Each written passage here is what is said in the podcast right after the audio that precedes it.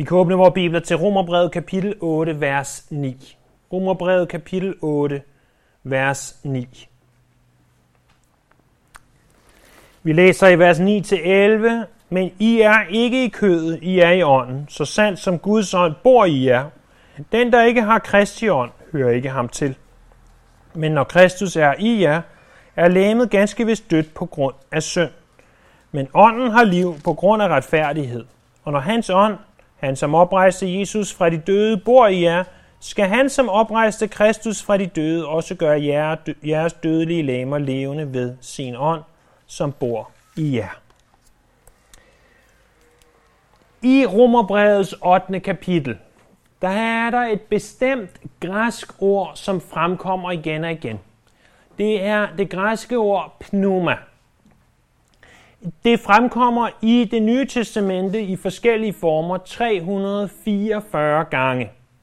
Pneuma betyder ånd. I Johannes evangeliets tredje kapitel, det er det kapitel, hvor, den nye, hvor åndens fødsel omtales, der fremkommer ordet seks gange. I Galaterbrevet kapitel 5, hvor åndens frugt omtales, der fremkommer ordet pneuma otte gange. I 1. Korinther 12, hvor åndens gaver omtales, fremkommer ordet 12 gange.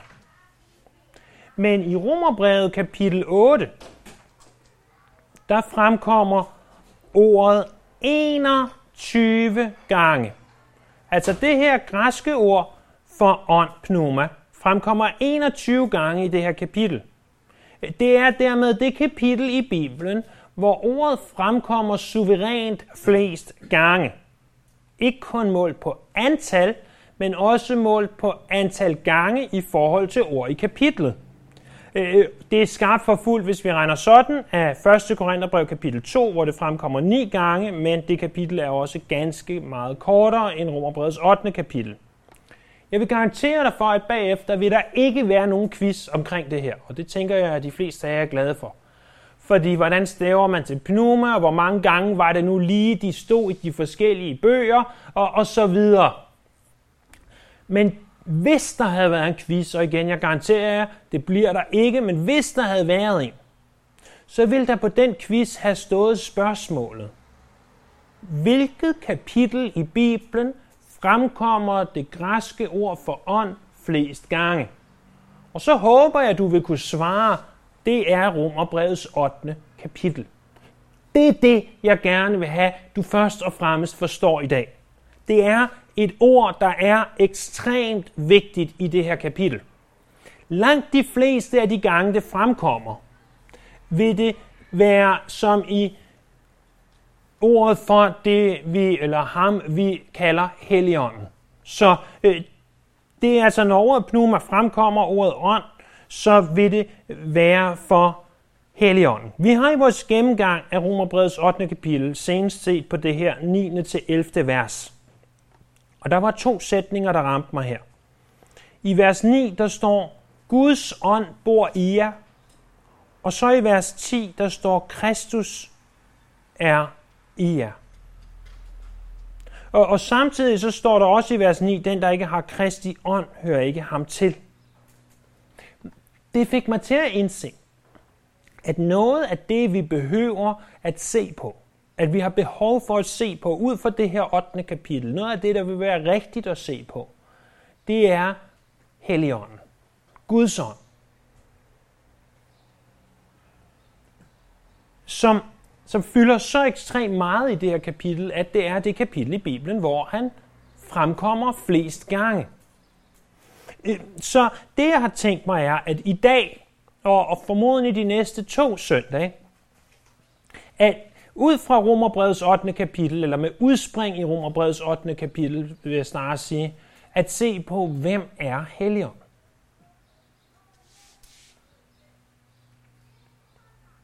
Så håber du vil være med på, at, at i dag og de næste to søndage have øh, lidt mere af et bibelstudie øh, end af en prædiken at du vil øh, have lidt mere, øh, vi kan godt kalde det tematisk, end du vil have udlægning af de næste vers, der kommer i Romerbrevets 8. kapitel. Det er stadigvæk en udlægning, for det kommer ud fra teksten. Vi har læst i teksten om Helligånden, og vi trækker ud af teksten, hvad er det så, vi lærer om Helligånden. Men inden vi næste gang kommer specifikt til ham, som vi kalder for, typisk kalder for Helligånden, så vil vi i dag påbegynde med øh, at se på det, som vi kalder treenigheden. For uden at vi har bare en grundforståelse for treenigheden, så kommer alt det her med Helligånden til at være endnu mere svært. Det første, jeg vil sige om treenigheden, det er, at læren om treenigheden er svær, men essentiel. Det er svært, men essentielt. For der er ingen tvivl om, at det er rigtig, rigtig svært at forstå. Det kæmper og gør alt, hvad det kan imod vores logiske sans, at når vi siger øh, 1 plus 1 plus 1, øh, det giver jo 3, og så bagefter kommer der nogen og siger, at der er én Gud. Det minder mig næsten om, at vi den anden dag var til ferieafslutning på pigernes skole, og det slutter med, at de synger en sang, hvor de synger 1 plus 1 er 3, og jorden den er flad, og går den gamle, han var smed i Hobro, og så tænker de ellers på, hvordan de nu vil til at glemme alt det, som de har, har lært i skolen, og så bare ellers øh, holde ferie. Men her, der ser vi altså, at 1 plus 1 plus 1 er lige med 3. Det går imod vores logiske sans. Vi kan ikke forstå, hvordan det kan hænge sammen. Derudover så ordet treenighed det fremkommer ikke i Bibelen. Og du klar over det, at du kan lede højt, du kan lede lavt, du kan lede i det gamle testamente, du kan lede i det nye testamente. Ordet treenighed fremkommer ikke i Bibelen. Men alligevel så er det et ord, der er nødvendigt. Fordi som i hvert andet fag, og her tillader jeg mig at kalde teologien for et fag, der er vi nødt til at have et fagsprog. Et fagsprog er specielle tekniske udtryk, som man ikke bruger ret meget andre steder, eller måske slet ikke bruger andre steder, som har en speciel betydning. Fra mit daglige virke, mit øh, teltmagerarbejde, om du vil, som revisor, der har vi også masser af fagudtryk, så nogle af dem ganske tåbelige, nogle af dem ganske smarte. Øh, og jeg gætter på, at jeg der ikke sidder med revisorting, at I sjældent bruger nogle af de udtryk, vi bruger der. Sådan er fagudtryk. Og ordet treenighed er et fagudtryk. Så at når jeg går rundt til andre kirker i Hillerød og taler om, øh, hvad, øh, hvad tænker I om treenigheden, så ved de godt, hvad vi taler om. Treenigheden, når jamen, så, så er det her, vi er. Og, og hvis jeg går på den anden side af Øresund og taler om treenigheden, så ved vi også godt, hvad vi taler om. Og hvis jeg rejser til Tyskland, så ved de også godt, hvad vi taler om. Og England og USA og Østen og så videre. Godt nok kan det være, det nødvendigt at oversætte ordet, men de forstår, hvad vi taler om. De har en grundforståelse, fordi vi bruger det samme ord. Det er også svært det her, fordi der ikke er et enkelt vers, vi kan pege til at sige, prøv at se, i det her vers, der er treenigheden bevist. Det, der eksisterer ikke sådan et vers, og det er også derfor, at øh, såkaldt kristne sekter, som ikke er kristne, men som er sekter, der har udbrudt fra kristendommen, at de vil øh, våge at påstå, at treenigheden er ikke at finde i Bibelen her. Øh, de mest fremtrædende i vores del af verden vil være Jehovas vidner, som vi nok jævnligt øh, støder på i en eller anden, øh, på en eller anden måde. De vil fornægte sig treenigheden og sige, at den er ganske blasfemisk. Og, og så er det også svært det her, fordi det er Guds natur, vi beskæftiger os med. Og, og når noget handler om Guds natur, om hvordan han er og hvem han er, så er det øh, ganske svært at forklare. Det er i sagens natur umuligt at forstå fuldt ud. Men alligevel så er vi kaldet til at forsøge. Selvom det er svært, så er det også essentielt. Læren om treenigheden er unik for dem, som kalder sig kristne. Ingen andre religioner siger, at Gud er én Gud og tre personer. Det er med til at adskille os fra andre religioner. Og hvis du er en kristen, så er det ganske simpelt en af de ting, du er nødt til at tro på. Jeg sagde ikke, at du er nødt til at forstå det. Jeg sagde ikke, at du er nødt til at engang at kunne forklare det, men du er nødt til at kunne tro på det. Hvorfor? Fordi at Bibelen lærer os, at vi ikke skal skabe et gudebillede. Hvad vil det sige at skabe et gudebillede? Det betyder naturligvis, at vi ikke skal lave en lille statue af, hvordan Gud han ser ud. Det, det tænker jeg, vi alle sammen øh, godt forstår, at vi skal ikke lave en statue og sige, at det her er Gud. Men det er lige så meget at skabe et billede ind i vores hoved, at vi må have det rigtige billede af, hvem Gud han er. Og at i stedet for at vores billede af, hvem Gud han er, det formes af ordet. For hvis du ikke tror på den treenige Gud, så er du ganske simpelt ikke en kristen.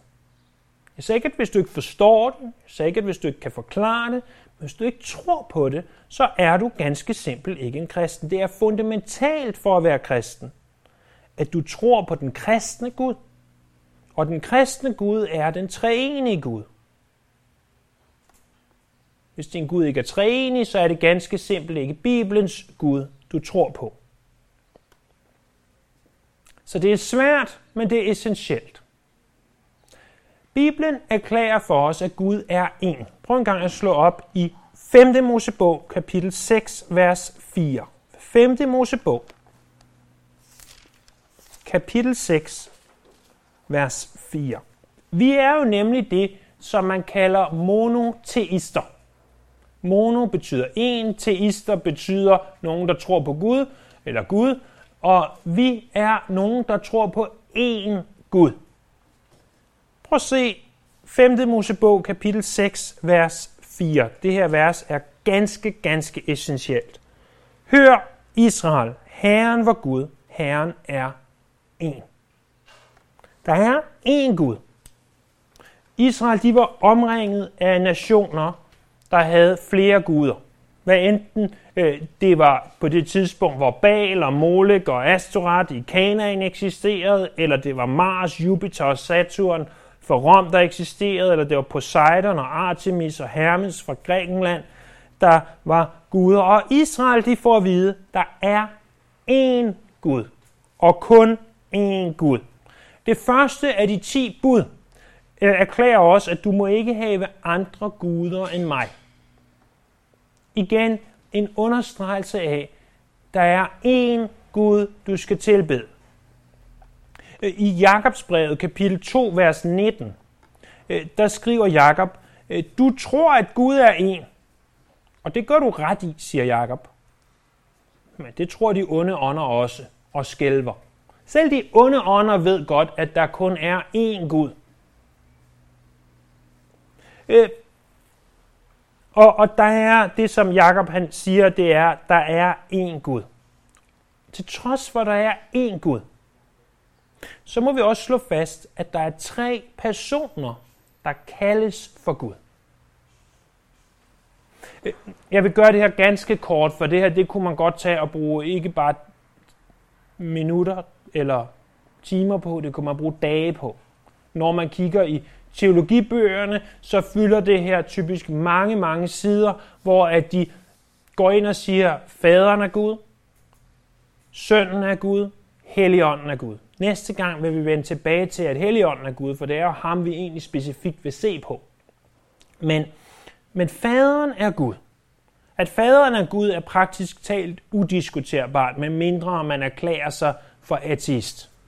Øh, øh, for eksempel læser vi i Romerbrevet kapitel 1, vers 7, til alle Guds elskede i Rom, som er kaldet til at være hellige, noget være med jer, og fred fra Gud, vor far og Herren Jesus Kristus.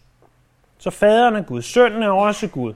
Johannes evangeliet kapitel 1, vers 1, i begyndelsen var ordet, og ordet var hos Gud, og ordet var Gud. Eller Filipperbrevet kapitel 2, vers 6, han, som havde Guds skikkelse, regnede det ikke for rov at være lige med Gud. Og Helligånden er også Gud. Apostlenes Gerninger kapitel 5, vers 3 og 4, læser vi den øh, skrækkelige beretning om Ananias og Safira, som øh, sælger noget ejendom, og så siger de, vi har givet alt fra vores salg til kirken. Og så falder de først den ene og så den anden død om. Og det Peter når at sige til dem, inden de falder døde om, det er, hvorfor har du løjet for Helligånden? Og så siger han, hvorfor har du løjet for Gud? Han sidestiller Helligånden med Gud. Eller i 1. Korintherbrev kapitel 3, vers 16, ved I ikke, at I er Guds tempel, og at Guds ånd bor i jer. Faderen kaldes for Gud, sønnen kaldes for Gud, helligånden kaldes for Gud. Hvad i alverden betyder det så? Måden, man i kirkehistorien har valgt at opsummere det her på, det vil jeg sige, at Gud er et væsen og tre personer. Det er faktisk ikke nogen selvmodsigelse, fordi det er to forskellige ting, vi taler om. Hvis nu, at jeg sagde, at Nils og Camillas hus, det er rødt og hvidt, så tænker du, rødt og hvidt? Nej, er det, er det også det? det? Det er da røde mursten, og de har lige fået malet vinduer og carport og alt muligt sort. Det, det er da ikke hvidt. Jamen, hvis jeg taler om, hvad farve det er udvendigt, der er det rødt. Men hvis jeg taler om, når du går ind i huset, jeg ved ikke, om det er alle vægge, så nøj, har jeg ikke studeret alle vægge i deres hus, men i hvert fald en del af dem ved jeg er hvide. Så, øh, så er det jo sandt nok, hvis jeg i den, på den ene måde taler om ydersiden er rød, og indersiden er hvid, så er det jo to forskellige kategorier, jeg taler om. Hvis jeg på den ene side taler om Guds væsen, så er det en kategori. Hvis jeg på den anden side taler om tre personer, så er det en helt anden kategori. Det har ikke noget med det første at gøre. Jeg siger ikke to modsatte ting. Hvis jeg sagde, Gud er et væsen, og Gud er tre væsener, så vil jeg sige noget selvmodsigende. Hvis jeg sagde, Gud er en person og tre personer, så vil jeg sige noget selvmodsigende, men jeg siger ikke det. Jeg siger, at Gud er et væsen og tre personer. Væsen kan vi definere som en uafhængig, højrestående, levende organisme. Personer derimod er en eksistens i det guddommelige væsen, som relaterer til de andre to, men er forskellige fra dem. Og ordet treenighed, hvad betyder det? Det er tre i enighed. Øh, lad mig prøve at begynde på at forklare, hvad det her betyder, ved at se på, hvad det ikke betyder. Det er næsten den eneste måde, vi bare kan opnå en smule forståelse på. Det betyder ikke, at der er tre guder. Vi tilbeder ikke tre guder, vi tilbeder én Gud. Øh, det vil være en direkte overtrædelse af budet om at have én Gud, hvis vi tilbad tre guder. Nej, vi tilbeder én Gud. 5. Mosebog, kapitel 6, vers 4.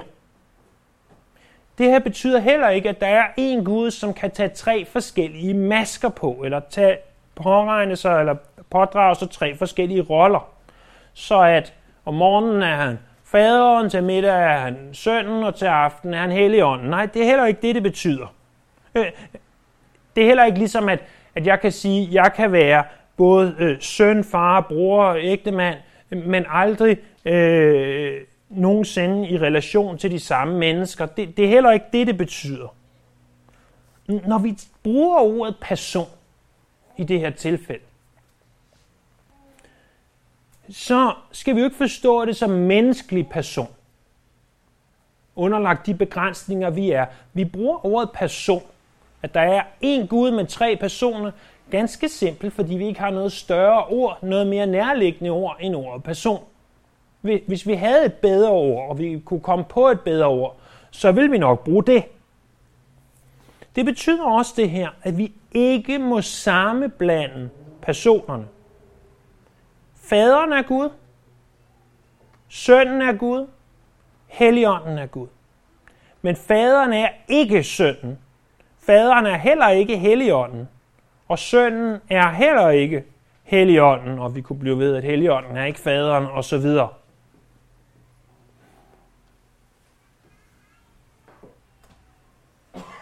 Og, og vi må også indse, at vi kommer ikke til at kunne forstå det her. Jeg er ligeglad, hvor længe du prøver. Jeg er ligeglad, hvor meget du studerer det. Vi kommer ikke til at kunne forstå det fuldt ud. Jeg ved godt, da vi måske gik i søndagsskole eller børnekirke, eller hvad vi måske engang gik i, eller da vi først begyndte at lære det her, så, så sagde søndagsskolelæreren til os, Helligånden er som et æg. Nå, tænker vi så, et æg?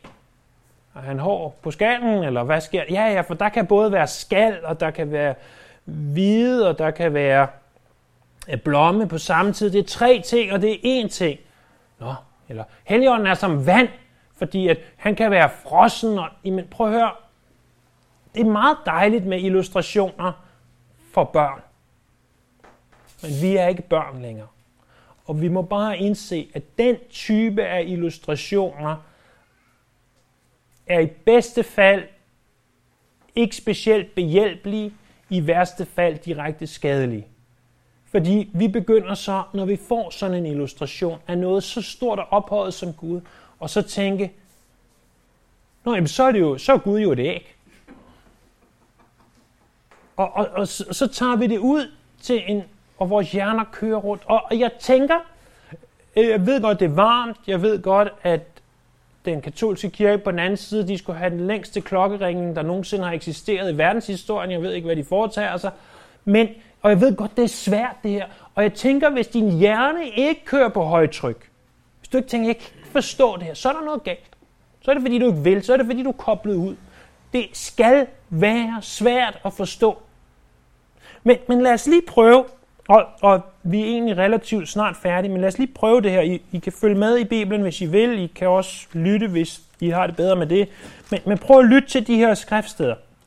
1. Mosebog, kapitel 1, vers 26. Der, der står der her, det første kapitel i Bibelen. Gud sagde, lad os skabe mennesker i vort billede, så de ligner os. Han siger ikke, lad mig skabe. Han siger, lad os skabe. Der eksisterer et fællesskab der. Og så over i kapitel 3, vers 22. Og Gud Herren sagde, nu er mennesket blevet som en af os, og kan kende godt, forske, kan kende godt og ondt. Så i Matteus evangeliet, kapitel 3, vers 16 og 17. Jesus var døbt, steg han straks op af vandet, og se, himlene åbnede sig over ham, og han så Guds ånd dale ned, ligesom en due komme over sig, og der lød en røst fra himlene.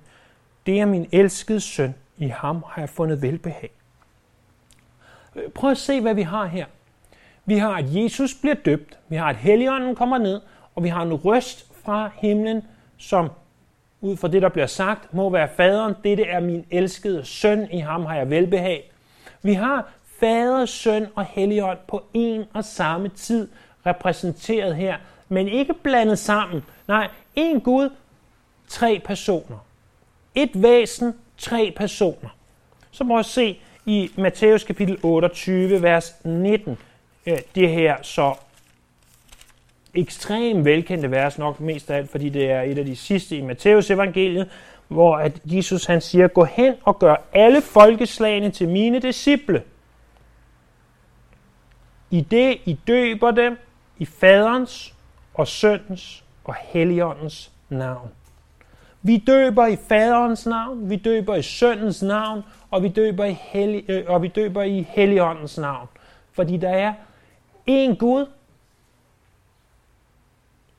tre personer. Gud er et i væsen, tre i person. Og så til sidst 2. Korintherbrev kapitel 13, vers 13, noget som jeg ved en del af jer også har hørt mange gange før, øhm, nogen måske aldrig har hørt før, men her der slutter Paulus det andet Korintherbrev ved at sige, Herren Jesu Kristi nåde og Guds kærlighed og Helligåndens fællesskab være med jer alle. Det er Jesu noget. Det er søndens noget. Det er faderens kærlighed. Og det er Helligåndens fællesskab. Inden vi næste gang specifikt begynder at se på Helligånden, og se på, hvordan at Helligånden er Gud, hvordan Helligånden er øh, en af de her tre øh, personer, øh, og så tænker jeg, at det har været nødvendigt for jer og for mig at genopfriske, hvad er det nu lige treenigheden er for en størrelse. Ellers vil vi have endnu sværere ved at forstå det her næste gang. Men jeg garanterer jer, at det her det er ikke nemt. Sjældent har jeg siddet så lang tid og stiget ind i en computerskærm og tænkt, hvordan i alverden forklarer jeg det her? Sjældent har jeg bedt øh, så mange gange hjælp os til at forstå det her. Og alligevel så ved jeg godt, at alt, hvad jeg har sagt, er ganske, ganske utilstrækkeligt, hvis ikke ånden går ind og taler til dig. Det jeg håber, at du får med, det er for det første, at Romerbrevets 8. kapitel er det kapitel, hvor et ordet ånd fremkommer flest gange i Bibelen. Ikke kun i antal, men også i antal per vers i kapitlet, eller per ord i kapitlet. Det andet, jeg håber, du får med, det er, at Gud er et væsen og tre personer. Det tredje, jeg håber, du får med, det er, at vi tilbeder en personlig Gud.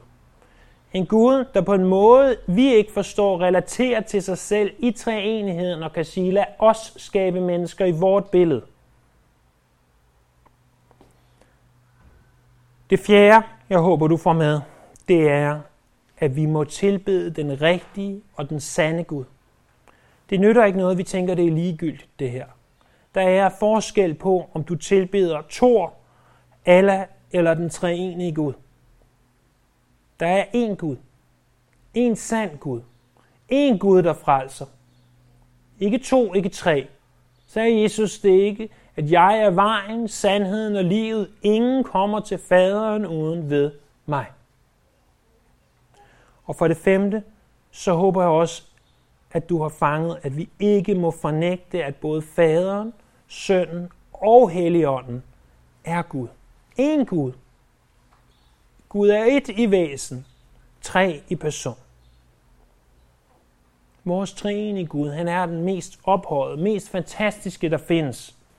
Han er så langt over os, og så uforståelig for os, at, at det kun er ved tro, at vi griber det her.